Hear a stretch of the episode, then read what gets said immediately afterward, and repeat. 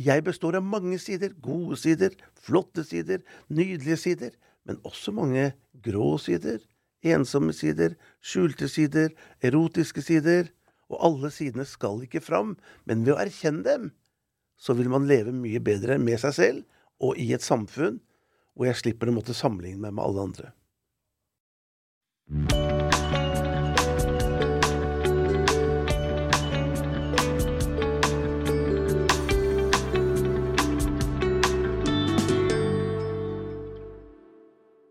Hjertelig velkommen til podkasten Leger om livet.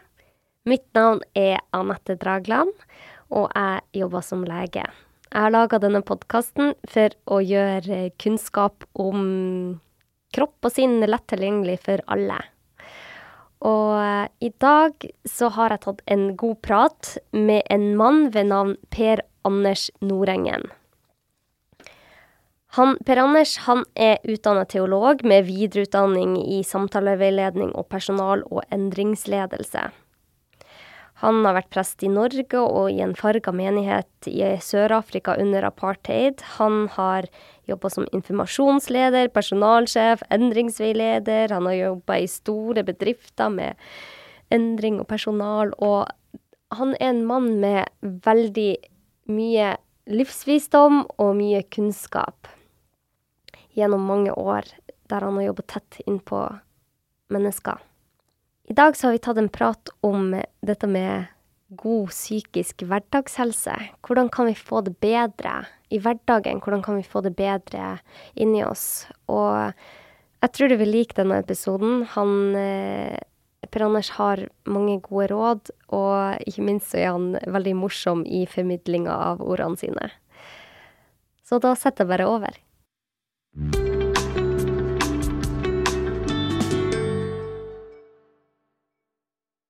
Anders, du er utdanna teolog. Du har jobba som samtaleveileder, personalsjef. Du har jobba som informasjonsleder, endringsveileder. Du holder foredrag. Du er forfatter. Altså, du har vært innom ganske mange felt.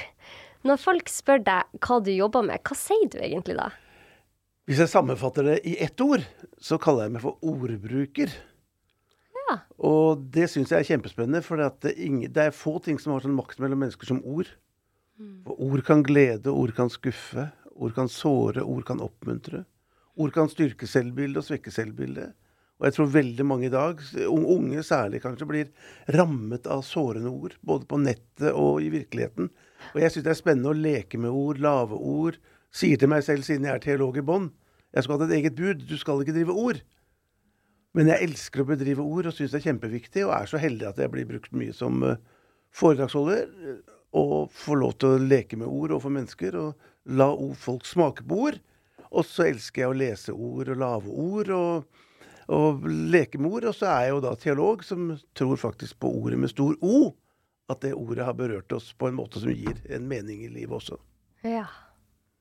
Hvorfor tror du at det du snakker om, treffer så godt? For du er jo en av Norges mest populære foredragsholdere. Hva, hva er det i dine ord som gir så stor betydning for andre? Ja, Jeg syns det er litt forunderlig, jeg også. fordi uh, nå har jeg holdt på så lenge og trodde kanskje at jeg skulle holde noen foredrag i noen år. Og til og med nå etter pandemien så er det veldig stor etterspørsel. Jeg har 30 foredrag tror jeg bare nå i høst. Denne uken har jeg hatt uh, fire. Å, herre skal på en skole etterpå ha, på planleggingsdag. Jeg lurer på om det er lite grann fordi at uh, jeg er så gammel nå at jeg er ved et sånt krysspunkt i livet mitt med erfaring. Jeg har stått på prekestol i, i mange, mange år. Og jeg har kanskje litt sånn arvelige talegaver fra min far. Så bruker jeg da ikke powerpoint. Jeg ser intet point i powerpoint. Og syns powerpoint høres en hund. Har du, har du en powerpointer? Men jeg står og bruker på en måte meg selv er den gode, gammeldagse måten. Sett deg ned ved leirbålet, så skal jeg fortelle deg en fortelling. Mm. Så bruker jeg fortellingen, ordene, og så tror jeg kanskje at grunnen til at folk gir meg litt gode tilbakemeldinger, er at jeg snakker på en måte som folk kjenner igjen sitt eget liv. Mm. Jeg klarer å bruke noen fortellinger fra eget og alle de menneskenes liv som jeg har vært borti, som gjør at de som lytter, kjenner igjen noe av seg selv og sitt eget liv. Og jeg tror det er den store kunsten i dag. Det er ikke å snakke med autoritet og si at uh, den og den autoriteten har sagt, eller uh, som meg som teolog og si at Paulus har sagt, eller Matteus har sagt. Men det er at mennesker kjenner igjen sine, sitt eget liv mm. i de ordene som blir sagt. Mm. I går var jeg faktisk i Ålesund, og da var det en dame som sa etterpå at hun uh, satt og følte seg helt, helt rørt etterpå. Hun som skulle takke. Og følte at hun hadde både ledd, men også blitt rørt og berørt på noen strenger i seg som, uh, som jeg hadde klart å berøre litt. Og da blir jeg veldig ydmyk og glad for å høre det. Ja. ja da har man eh, kommet til kjernen. I dag så skal vi snakke om dette med psykisk hverdagshelse. Du har skrevet seks bøker, bl.a. boka 'Sykt bra', som jeg nettopp har lest ferdig.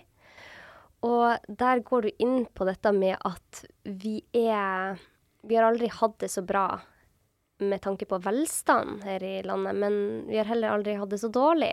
Hva mener du med det? Jeg skrev den boken fordi at jeg har både som prest jobba mye med ungdom, konfirmanter, jeg har jobbet med eldre mennesker, og jeg har de siste 20 årene jobbet som samtaleveileder. Hvor jeg ikke bruker noe av teologien, men hvor mennesker har oppsøkt meg for å snakke om livet sitt. Og jeg har vært veldig opptatt av at eh, det paradokset vi har i Norge, at aldri har vi hatt det bedre, men aldri har så mange mennesker strevet med livet sitt. Mm. Altså Vi har materiell helse til de grader. Vi har materiell velstand, men det virker som at eh, da vi bygget opp landet etter krigen, og vi bygget, så klarte vi å bygge det opp materielt sett, men vi glemte at vi mennesker er sårbare mennesker med følelser. Og det er jo et kjempeparadoks at det er så mange mennesker som strever. Vi er på toppen av pallen når det gjelder uh, materiell velstand, mm. men det er langt, langt, langt fra pallplass mm. når det gjelder uh, hverdagshelse og trivsel. Og det syns jeg er trist. Så Derfor skrev jeg den lille boken som jeg kalte for Sykt bra. Som er noen bare erfaringer og tanker om kanskje hvordan vi skal klare å skape litt bedre hverdagshelse.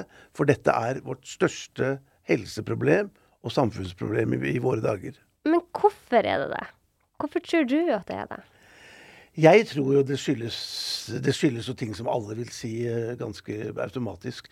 Det skyldes prestasjonssamfunnet, tror jeg. Mm. Det skyldes at folk ikke er uh, fornøyd nok med seg selv, fornøyd med livet. Det skyldes um, uh, Vi kan jo snakke mer om det, bare, hvis jeg bare ymter frampå noen grunner, jeg tror. Et nytt syn på sykdom. Uh, jeg tror at vi kaller altfor mye sykdom. Vi lager ordet syk på vanlige hverdagslige ting som er helt normale. Jeg hørte f.eks. i går om noen jenter på videregående skole som hadde vært inne på kontoret til til en, som jobbet, en lærer som jobbet med det. Og så hadde de snakket sammen, og så hadde hun fortalt hvordan hun hadde det. Så sier den andre jenta bare til henne Ja, du har sikkert angst. Mm. Og, så, og, så, måtte den voksne personen si at det, det, er kanskje ikke angst, for jeg tror kanskje vi sykeliggjør helt vanlige ting. Mm. Og vi må jobbe med å normalisere. I dag er det unormalt å slite litt. Eh, hva var det som sto i avisen her en dag? At det, hver femte eh, ungdom mellom 10 og 12 år tar en smertestillende i løpet av uka. Ja. Og det er liksom ubehag skal bort, og ubehag skal ikke være der.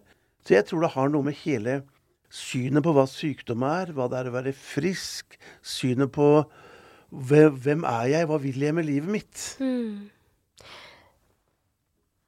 Men du skriver i boka di her, som jeg syns er veldig godt eh, skrevet, så skriver du at mange lever med et enormt sprik mellom hvem de tror de bør være, og hvem de faktisk er.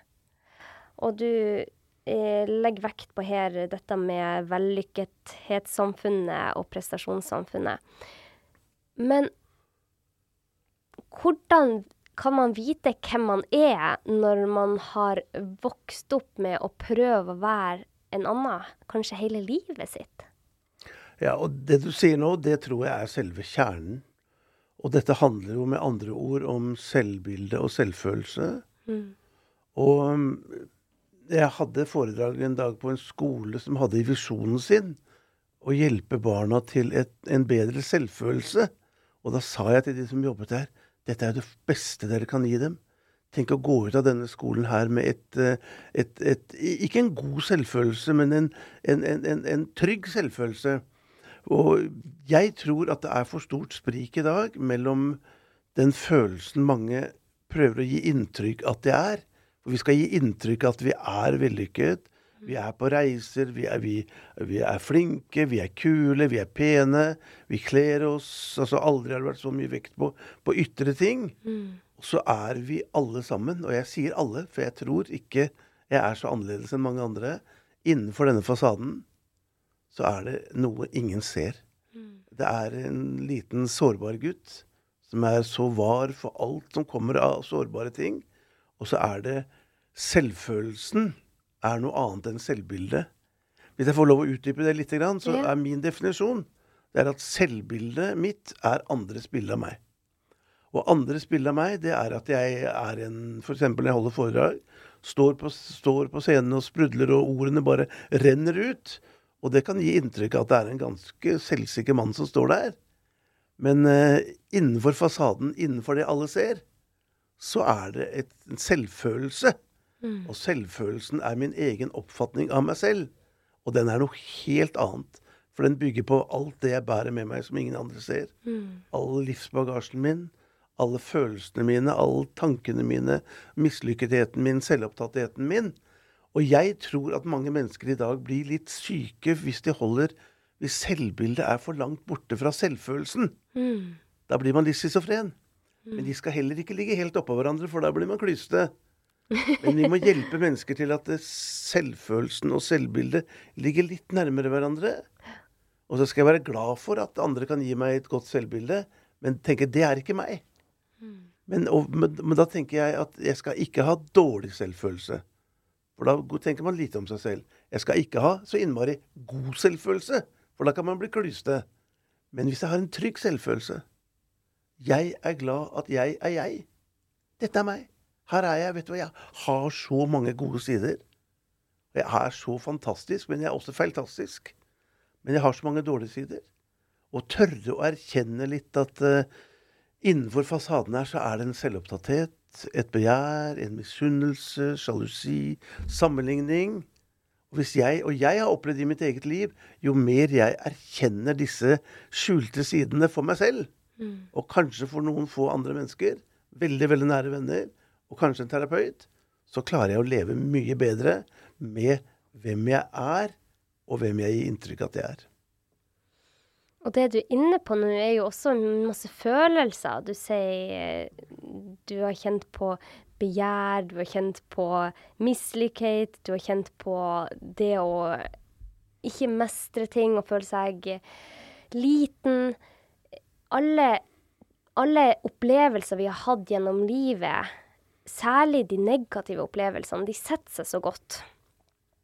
Men hvordan kan man føle seg trygg i seg selv, selv med alle de feiltagelsene og feilene man har, og eh, ja, opplevelser man har som er vond?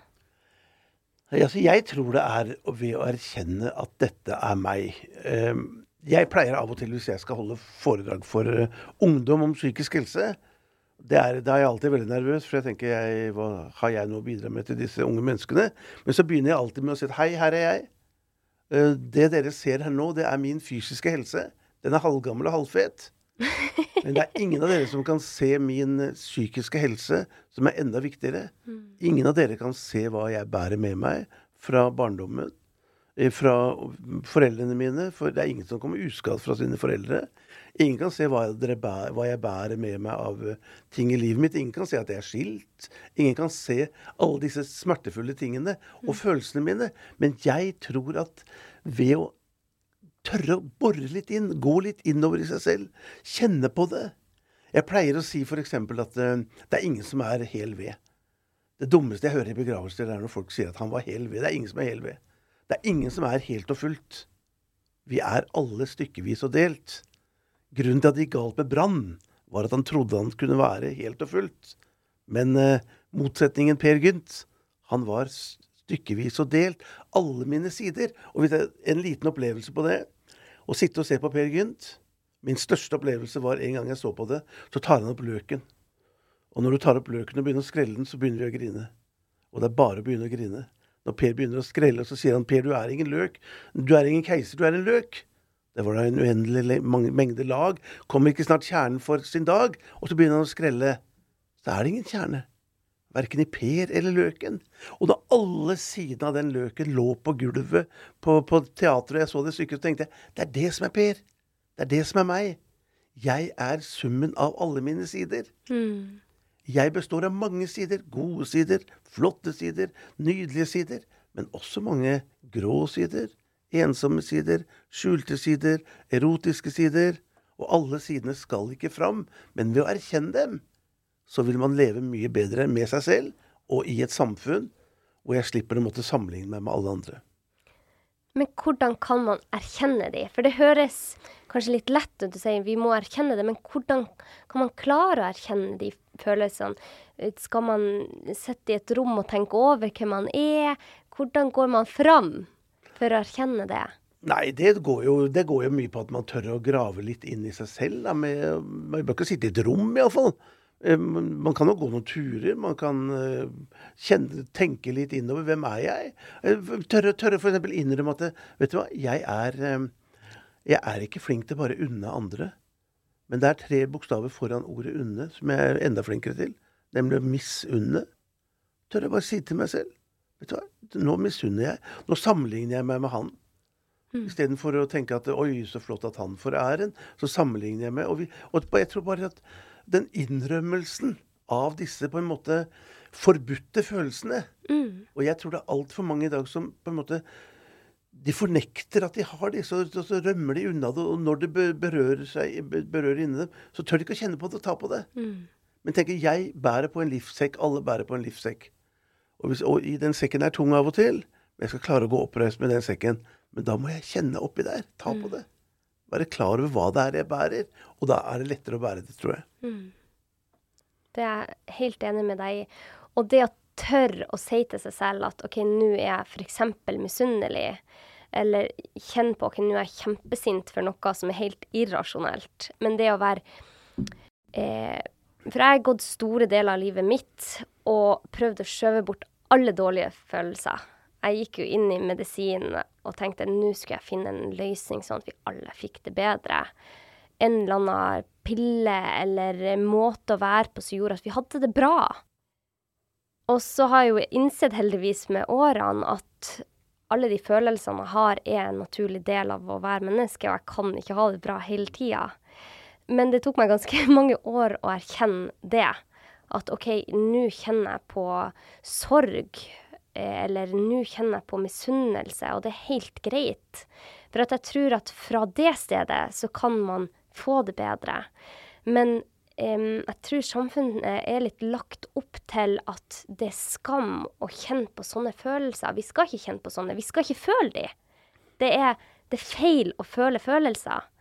Og når, når man er blitt fortalt at det er feil å føle en følelse, så vil man jo ikke føle den. Da prøver man å gjøre alt man kan for å skyve den bort. Ja, det tror jeg også. At, og det er noe av det at vi lever kanskje i et samfunn da, som har dyrket det vellykkede, dyrket det perfekte, dyrket lykken. Eh, og jeg tror jo f.eks. at mange blir syke av å søke så mye lykke. De blir mm. ulykkelige av å søke lykke. Mm. Og vi har jo et, uh, verdens, et av Norges mest kjente dikt som lyder som følger. Um, det er den draumen jeg bærer på, at noe vidunderleg skal skje. Og hvis du misforstår hva Olav H. Hauge har sagt i den setningen, så kan det bli sånn at det, jeg, det, jeg, må, jeg, må, få skave, jeg lengte etter det vidunderlige. Jeg må, jeg må, drømme om det vidunderlige. Jeg må drømme om lykken. At jeg ville ha skrevet f.eks. at det er den drømmen jeg bærer på. At det helt alminnelige skal skje. og jeg tror vi ville fått det mye bedre med hverdagshelsen vår hvis vi var fornøyd med å ha det helt vanlig, helt alminnelig, og ikke tro at, kjenne at det Nei, jeg kjenner ikke på den lykken. Det er sjelden jeg kjenner på den lykken. Mm. Men jeg kjenner på å være fornøyd. Mm. Ha det bra nok. Altså, vi må heller søke mening mm. enn lykke. Og da vil vi bli mye mer fornøyd. Altså, jeg for eksempel, jeg prøver å oppsummere dagen. Om jeg gjør det med, selv, med meg selv eller med Gud eller med hvem, det vet jeg ikke. Og så tenker jeg sånn hver kveld så tenker jeg tusen takk for at det ble en helt alminnelig dag. Og det er så mange som syns at det alminnelige er kjedelig. Mm. Men altså, den dagen det hadde blitt ualminnelig, mm. U-en hadde kommet foran, men at det var en helt alminnelig dag, Ingen av barnebarna mine ble overkjørt i dag heller. Mm. Ingen i familien eller vennekretsen fikk en alvorlig diagnose i dag heller. Det er ingen selvfølge. Mm. Den ble helt alminnelig. Det må vi være fornøyd med. Og jeg tror mange mennesker blir syke av å hele tiden søke mer enn det vi har og er. Mm. Det er noe av det vi må hjelpe folk til hverandre til. Vi er bra nok. Ordet nok. Altså, vi, vi vil alle være Jeg ville gjerne vært tynnere. Jeg ville gjerne vært kulere, jeg ville gjerne vært penere, jeg ville gjerne vært enda flottere. Men jeg er bra nok. Mm. Jeg er bra nok. Jeg har bra nok karakterer. Tenk på alle ungdommene i dag som hele tiden skal streve etter bedre karakterer. Men det er bra nok. Norsk skole er altfor mye opptatt av karakterer. Så gi dem en god karakter. Dvs. Si en god grunnmur i livet. Et godt selvbilde. Å gå ut med det, det hadde vært mye viktigere enn en søken etter stadig å skulle oppnå mer og mer lykke. Mm. Og være mer fornøyd. Og det, der har vi jo alt vi legger ut på Facebook. Alt som gjør Du skal få tilbakemeldinger på, på såkalt vellykketheten din. Ja. Bare går tilbake til dette du sier om en alminnelig dag. Og det, det fører meg tilbake til den tida jeg jobba på sykehus. For det fikk jeg høre så ofte når jeg jobba på sykehus. Åh, jeg gleder meg bare til å komme meg hjem. Være hjemme på en vanlig dag. Det er det folk gleder seg til når de er på sykehus eller har fått en diagnose, eller ja, kanskje de blir friske og de gleder seg til å komme hjem til hverdagen. Eh, og det, det å minne seg selv på det tror jeg har stor effekt. Men eh, når du sier dette med uh, at eh, du skulle ønske at man ga ungdommen en karakter som gir bedre, en bedre selvfølelse, f.eks. Hvordan kan man dreie det? Hvordan kan man snu denne trenden som er nå? Jeg tror eh, det er viktig at vi snakker om det. Det er kjempeviktig at du lager en podkast om det. Det er eh, noen som gjør noe på det, og du er veldig opptatt av det. Og du er opptatt av å bringe det ut. Og så tror jeg vi må hjelpe foreldrene på, skolen, f.eks. Når jeg er på, rundt på skolen og snakker til lærerne, så sier jeg til lærerne at dere må bruke foreldremøtene. For det er så mange usikre foreldre i dag som selv er en del av, denne, av, av, dette vellykkethetssamfunnet, som på en måte er opptatt av at barna skal prestere og få til å bli vellykket og godt likt og alt. Men at vi, vi må bruke foreldremøtene på skolen til å si bekreft barna for den de er. Ikke for det de gjør, ikke for det de får til. Ingen er human doings, vi er alle human beings. Og vi trenger alle bekreftelse for den vi er. Så jeg tror vi må begynne der. Foreldre må begynne. Må begynne å ikke bry seg om ungene er så veldig vellykka. Altså, øh, om, de, om, de, vinner en fotballkamp eller om de taper. Vi er like glad i dem. De er like glad i deg om du taper. Jeg er like glad i det om du får to på karakter som fem. Og hele tiden er prestasjonsgreiene. Og det er da i hjemmene, tror jeg er viktig. Jeg tror det er viktig at vi kanskje i vennekretsene, men, og samfunnet også, som, som, er på en måte legges opp til at vi skal være så flotte og nydelige og vellykkede. Og vi skal ta bort rynker, og vi skal være liksom alt. Mm. Så det er, dette, er, dette, er, jo kjempekomplekst. Mm. Men hvis vi på en måte begynner litt i det små, så må vi håpe at dette snur seg. For dette er et problem som gjør at uh, det er for mange mennesker som blir syke av en hverdagshelse mm. som de egentlig ikke er syke. Det bare er helt normalt. Mm. Og dette du sier om eh, For jeg har jo lest boka di. Hverdagen tar jo også veldig mange så de blir utbrent. Har du noe du ønsker å fortelle om det? Ja, det har jeg. Og det kan jeg, men bare før det så kan jeg bare si også jeg tror det er noe med ordene våre. Og som jeg sa innledningsvis, at jeg kaller meg ordbruker. Mm. Og jeg tror språk skaper virkelighet. De måten jeg forteller om livet på, som blir livet. Men altså, jeg bare sier, det du vil fram til, tenker jeg, det er at jeg, jeg liker ikke ordet utbrent. For at det, den dagen jeg er utbrent, eh, det skal jeg bli når jeg ligger i en urne. Og jeg, jeg har faktisk eh, gitt meg selv en urne i bursdagspresang, og da sto det på den 'morfar nå utbrent'. Og barn og barnebarn de ble ganske sjokka, og så fikk jeg dette tegnet på den og tenkte at det er så kjedelig, både kiste og urner som er så hvite og sånn. Så, så, den dagen det skjer, så skal jeg heller ha en fargerik eh, kiste og urne tegnet av barnebarn og fargelagt og sånn. Og den dagen jeg er utbrent, da skal jeg ligge i den urnen.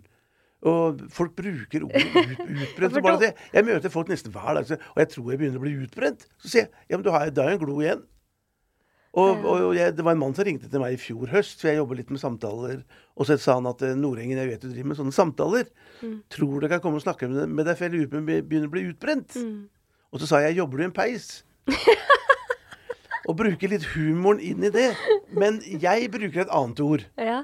Og folk må gjerne bruke de ordene de vil, men for meg fungerer det ordet mye bedre. Og det er ordet utladet. Mm. For jeg tenker at det er det som skjer. Vi alle får utladete livsbatterier. Vi alle møter sorg, sykdom, kriser, vonde dager, vanskelige dager. Vi har stressende og slitsomme dager. Og det, det, det, det, tærer på livsbatteriet, og det tappes. Men den er jo gedigen, den der mobiltelefonen, da. Når jeg lader den opp, så står det av og til helt oppladet. Og det skulle jeg ønske jeg selv var av og til, for det, det er lenge siden sist. Men så så er, når det er under 20% så sier den fra på tide å lade. Ja. Også kroppen vår sier på samme måten. Vi må finne ting i disse hverdagene vi lever, som er med på å lade opp livsbatteriet, slik at vi ikke blir helt utladet. Det er noe av kunsten. Men utbrent, det skal jeg ikke bli før jeg ligger oppi den urnen der. Men hvordan lader man batteriene? Hva tenker du vi skal gjøre for å klare å lade batteriene? For det er så mange av oss som er utlada nå. Det tror jeg er kanskje noe av det som tapper batterier i dag for mange. Back to basic. Vi må spise sunnere. Det er altfor mye ferdigmat som tapper krefter. Vi må være i bevegelse. Gjerne hver dag, 20 minutter minst. Og vi som er så gamle som jeg er, bare kjenne på at hjerte og lunger får pumpa seg litt. Få nok søvn. Være sosial. Være, være Helt vanlige tingene. Istedenfor alt det liksom sånn ekstraordinære. Ja, men du lever jo i dette samfunnet, da. Og det er enormt trykk på jobben. Jeg, jeg tror at jobbhverdagen kanskje er blitt Det forventes veldig mye fra oss. Alt skal effektiviseres, og du skal ha deadlines. Og kanskje det er litt mer det enn det var før i tida. Det tror jeg også. Og det er nok, som du sier, også mye mer krav til effektivitet, raske ting og sånn. Og det, det, det er nok veldig stressende hverdager, det tror jeg. Men vi, må, vi får kanskje jobbe litt mot det også. Og tenke at nok er nok. Bra er bra nok. Man må ikke Hva er karriere, f.eks.? Altså for meg er karriere at uh, å gjøre det jeg trives med. Jeg tror altfor mange søker en lederstilling som ikke burde hatt det. For det er en kjempebelastning å være leder. Med personalansvar, eh, konflikter. Altså vi i perioder med, med, med, på hjemmelivet er ganske stressende. Småbarnsperiode. Da kanskje man skulle prioritere litt annerledes. Jeg har en datter som jeg er litt stolt av, som, som akkurat nå med to små barn har, De har ikke så god råd, men nå har hun fra i høst s- tatt seg fri en dag i uken. Ja. Tjener 20 mindre, men jeg syns det er helt imponerende at hun gjør det fordi det er denne viktige småbarnsfasen. Du skriver også mm, Du skriver flere eh, faktorer som kan gjøre at vi lader livsbatteriene våre. Så jeg syns det er så utrolig fint ord, livsbatteri. Um, og det er En av de første punktene dine er faktisk at du skriver 'kast maska'. Ja, og det er jo det vi snakket om i stad, tror jeg, med å tørre å være ærlig. Tørre å kjenne på alt det inni seg. Slippe å gå med fasade, men å være ærlig mot alle de sidene inni meg som gjør at jeg kan tørre å si at eh, jeg Dette er meg. Dette er meg. Jeg, har, jeg, jeg må ikke gå med maske.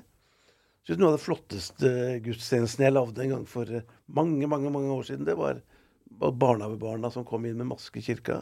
Så bare la de maskene på alteret. Og så fikk de lov å gå uten maske ned igjen.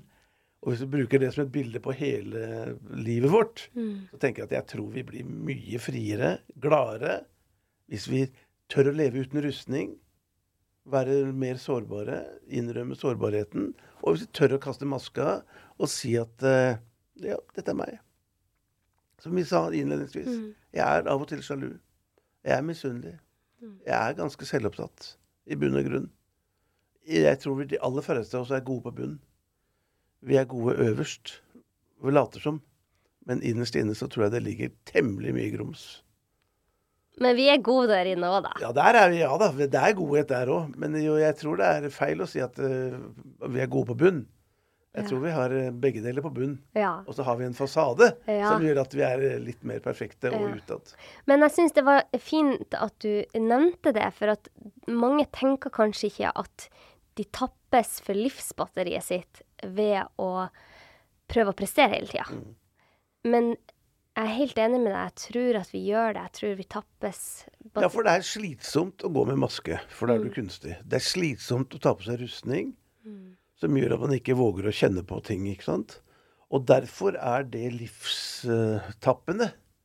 Og da sliter man mer med hverdagshelsen og mentale, mentale ting ved å gå rundt og late som.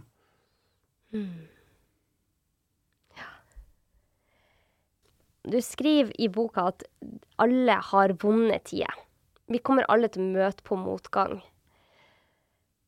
Men hvordan kan man komme seg gjennom de, de vonde tidene på best mulig måte, tror du?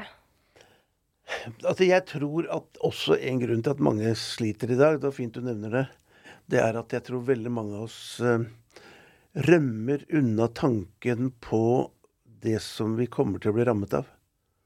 Altså, vi, vi, vi har, jeg, er, jeg, er, jeg er sånn selv, for eksempel, at nå, nå i sommer med strålende sol og nydelig vær og fantastisk ferie, så kan jeg sitte og si Å, dette er livet. Å, dette er livet.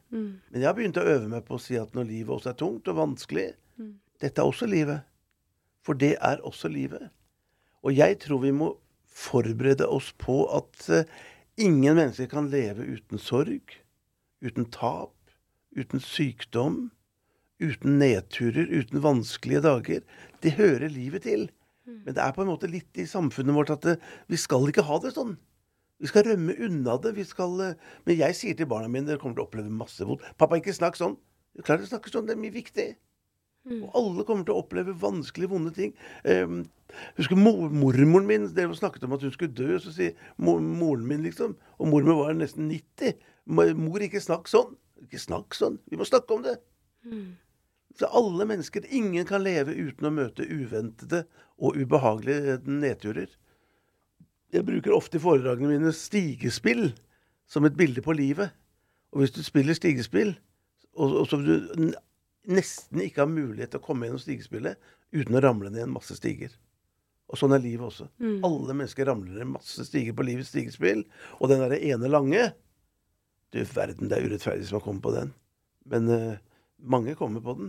Men da er det viktig å ikke gi opp. Og likevel fortsette å spille videre. Jeg har sett mange som har vunnet stigespillet, selv om eh, de kommer på den store stigen og går helt i bunn. Ja, Og da er det mange som også melder seg ut og sier 'jeg gidder ikke mer'. Men da er det viktig å fortsette. Mm. Så jeg tror, man, jeg, jeg, jeg tror vi bare må tørre å innrømme at det, det, sånn er livet. Dette hører også livet til. Når jeg møter det, når jeg møter u- uventede tap, uventet sykdom Vi alle gjør det. Så er det noe med å kunne klare å gjøre det beste ut av det. Og være forberedt på at ja vel, nå er det meg. Jeg har en kollega som mista mannen sin i kreft i fjor, som sier helt utrolig nydelig Eh, Så sier hun at jeg har jobbet så mye med sorg og død i mitt liv. Denne gangen var det meg. Og da har jeg fått nok bagasje og nok bærekraft til å klare å bære dette også selv. For hvorfor skulle ikke det, skulle det ikke også ramme meg? Hvis veldig vonde ting rammer deg Du har jo mye erfaring med å hjelpe andre. Hva ser du er Hva ser du er viktige faktorer for å klare å stå på beina? Jeg tror det viktigste er, og det er kanskje hvis man opplever tap, mister f.eks. ektefelle, mister eh, en skilsmisse, vanskelige ting, det er det første skrittet, tror jeg, til å komme litt videre, er å akseptere at det er sant. Veldig mange som blitt rammet av en sykdom Jeg jobber mye med alvorlig kreftsyke. Veldig mange blir med en gang helt Det, det kan ikke være sant. Ta en ny blodprøve. Vi må, vi, må, vi må undersøke igjen. Og det er helt naturlig. Og man får en sånn helt uvirkelighetsopplevelse til å begynne med.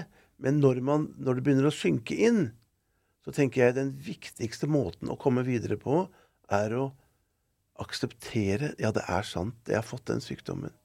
Eller Det er sant, han er død. Han er borte. Eller hvis man ikke liker ordet akseptere, så går det an å bruke ordet um, godta, bruker noen. Men godta er ikke jeg så glad i. Eller for å bruke et fra min fagterminologi forsone meg med. Altså forsone meg med virkeligheten. Sånn er virkeligheten min. Sånn har det blitt.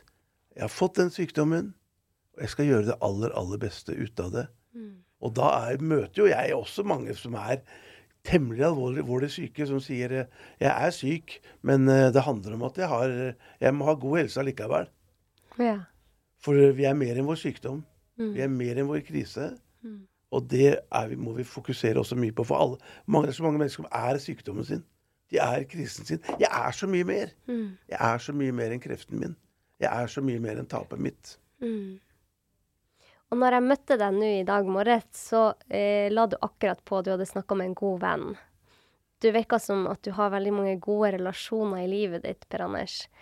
Tror du at det er viktig for å klare å komme seg gjennom krisa? Jeg tror det er kjempeviktig. Og jeg tror det er viktig å ha noen, ikke altfor mange. Det er altfor mange som strør ut uh, disse perlene. Altså det er jo perler, alle krisene våre, ikke sant. Og så mm. kaster de til altfor mange og snakker for mye om det. Men å ha noen, noen venner um, Jeg har et veldig veldig åpent og godt forhold til kona mi, som, men vi er ikke hverandres terapeuter. Det er ikke alt vi kan snakke om fordi vi er, fordi vi er gift. Men det er noen ting som jeg må ha, ta andre guttevenner til å prate om mm. og med. Og jeg tror at eh, Og også for eksempel har jeg tenkt at eh, parvenner av oss, de guttene i de forholdene, kan aldri bli de intime vennene på ting som har med, med mitt parforhold å gjøre. For da vil jeg utlevere også min kone til dem. Men å ha noen venner som er mine guttevenner, som jeg kan legge meg helt flat for og tørre å snakke, snakke med, Mm. Da, da, da, er det med på hverdagshelsen. Hvis, hvis, du så at jeg kom smilende her med øreproppen, mm. så var det nok fordi at han og jeg hadde vært innom litt sånn eksistensielle ting. og så sa jeg plutselig 'Nå er jeg framme. Nå må jeg legge på'. og så prates vi igjen til, til, til uka, og prater med han to-tre ganger i, i, uka. Ja. Men det å ha de så nære relasjonene gjør jo òg at du må tørre å være sårbar. Ja, og da må man stole på, stole på den andre. Mm. Og jeg vil jo også oppfordre til at man ikke nødvendigvis må snakke med familie om alt, men om mye. Med venner. Men jeg, jeg vil oppfordre folk til at det, det, går an å finne en profesjonell samtalepartner. For det er ikke alltid at venner skal være terapeuter heller. Jeg syns litt synd på dere leger som eh, når vi kommer til dere, så har dere 20 minutter og jeg må bestille dobbelttime for å få litt mer. Mm. Men når vi kommer inn på eksistensielle ting, så er det fem minutter igjen. Mm. Så jeg syns synd på dere. Jeg har jo aldri samtaler på kortere enn på én time eller fem kvarter. Mm. Og, og syns synd på dere, for dere må prate med folk om, om ganske sterke ting. Og mm. på hverdagshelse, dere også. Men eh, det går an å gå til at det finnes Har du råd til det, gå til en psykolog. Betal for det. Det finnes offentlig psykolog som ikke koster så mye. Eller så finnes det jo, jeg kan jo da som prest også si at det, det er mange flotte folk i kirka. Hvis det er i menigheten der du bor, en prest som, som virker ålreit, en diakon, en, en, arbeider, så er det helt gratis. Og man trenger ikke og, være religiøs og, for å gå Religiøs er vi alle, for at religion det handler om hva vi tror på. Alle tror på noe, og vi tror på oss selv også. Men det er mm. veldig få prester som må åndeliggjøre ting. Og prate om kristne ting men vi har erfaring fra livet mm. og er gode lyttere. Og det er uh, ubrukt tid på mange prestekontorer. Og, eller gå til uh, Det er, finnes folk i kommunen. Det finnes folk som mm. kan prate med. Og jeg tror man tjener på å sette ord på det. Det er helt feil det som noen sier. En delt smerte blir halvert. Det er helt feil. Det hadde vært enkelt, da. Det hadde vært lite smerte hvis den ble halvert hver gang jeg satte ord på den. Men jeg tror at en delt smerte gjør det lettere å leve med den smerten. Mm. Og ved å sette ord på det altså Jeg var her en, en, dag hos en dame på En ung dame som, med små barn som ikke har så lenge igjen å leve. Og jeg kan jo ikke si noe til henne. Jeg kan ikke gjøre annet enn å være der og, og høre på henne og lytte til henne. Og så takker hun meg når jeg går, for at det, det, var, det var, godt å få lov å prate med meg. Mm. Det var bare for at hun fikk et rom å sette ord på noe av tingene helt nede i seg. Mm. Det mister kanskje litt kraft? Ja, det gjør det. For eh, man punkterer litt. Mm. Man eh, sprekker noen ballonger Mm. ved å kaste dem ut og ikke, la- ikke la dem få det innestengtheten. Mm. Du sitter med mye visdom etter en, et langt liv, og der du har vært nært innpå mange mennesker. Jeg tenker at eh, vi skal eh, gå inn på dette siste spørsmålet. Hvis det ikke er noe du ønsker å si på forhånd. Jeg kan jo bare si litt om det at det å tørre å snakke om vanskelige ting En ting vi burde også tørre å snakke om, som jeg er veldig opptatt av, det er å tørre å snakke om døden. Ja. Og jeg tror folk blir litt syke av at vi rømmer unna døden. Vi sier eh, Folk sier f.eks. Han, han, han har gått bort, og da spør jeg alltid hvor gikk han?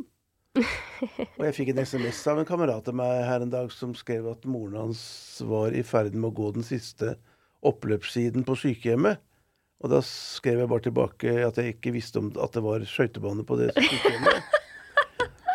og jeg lager litt humor ut av det, og jeg samler på dødsannonser f.eks. Ja. Og det gjør jeg fordi jeg syns det er litt trist at eh, det er veldig få som dør. ja. For vi tør ikke bruke ordet død. Sovne stille inn, vandret bort, gikk fra oss, fløy av sted. Stor morsomhet til jul. Det sto 'fikk fly på julaften', f.eks. Lurte jeg på om det var pakket inn. Men, men jeg tror at, at, jeg tror at vi, vi vil tjene på å snakke om det. Alle skal dø. ja. Og, der, er- og er det noe vi, vi frykter, så er det jo den angsten i oss. Og når vi blir syke, så er det jo frykten for å dø. Det er den som ligger der.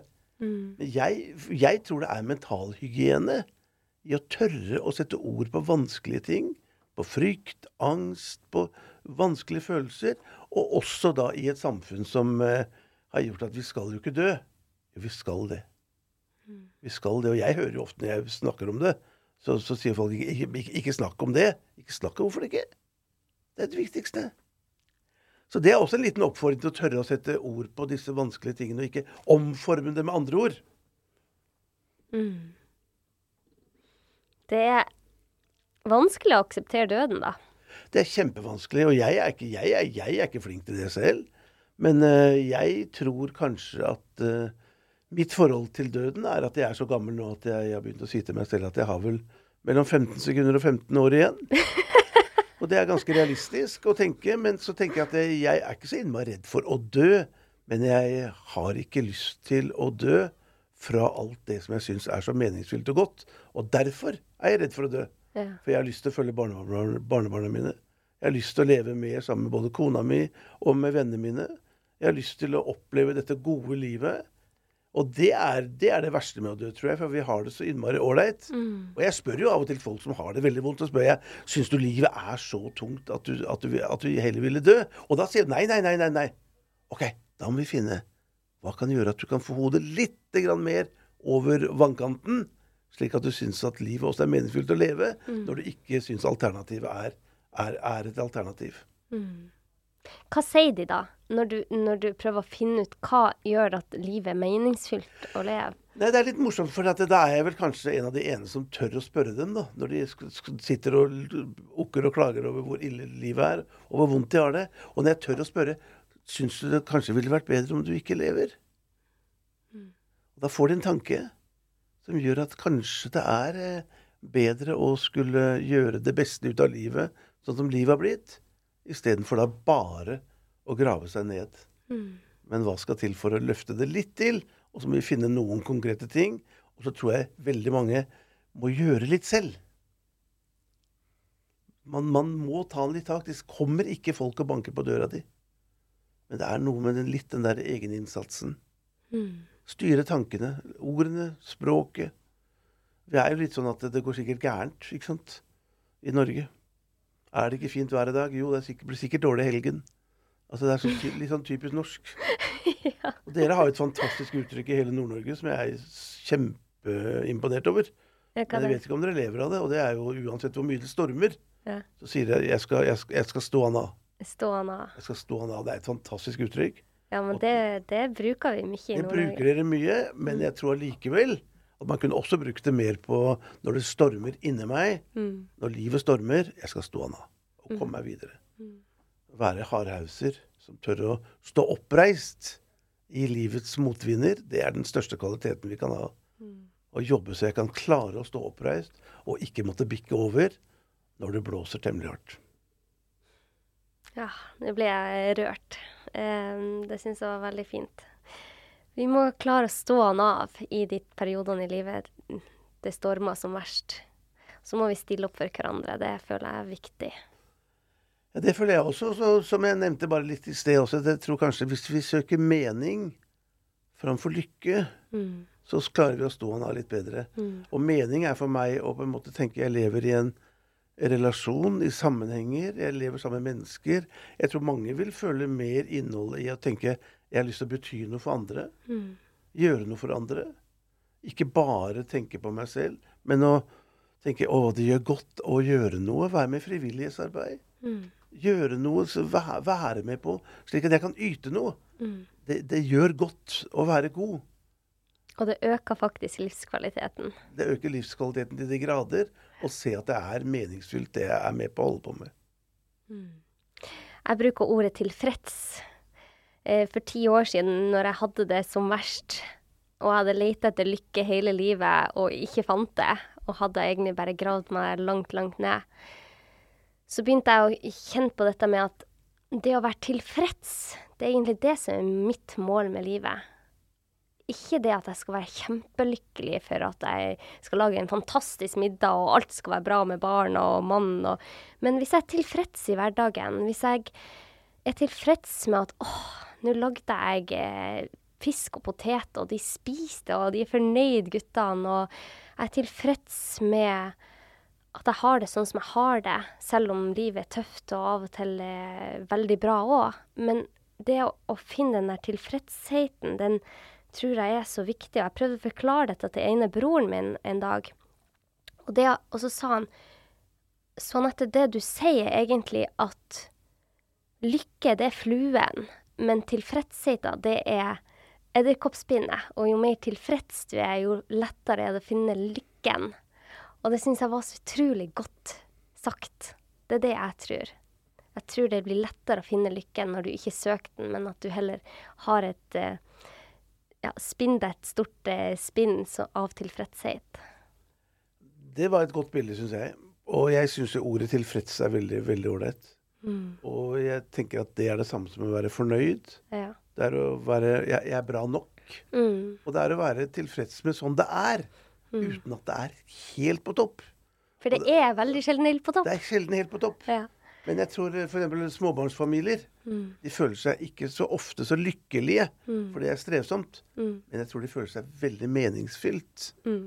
Og da, da, da er livet ålreit. Mm. Så vi må, vi må slippe den derre trangen etter hele tiden de høye toppene. Mm. Nå har jeg det helt ålreit. Jeg er tilfreds. Ja. Tilfreds med livet. ja.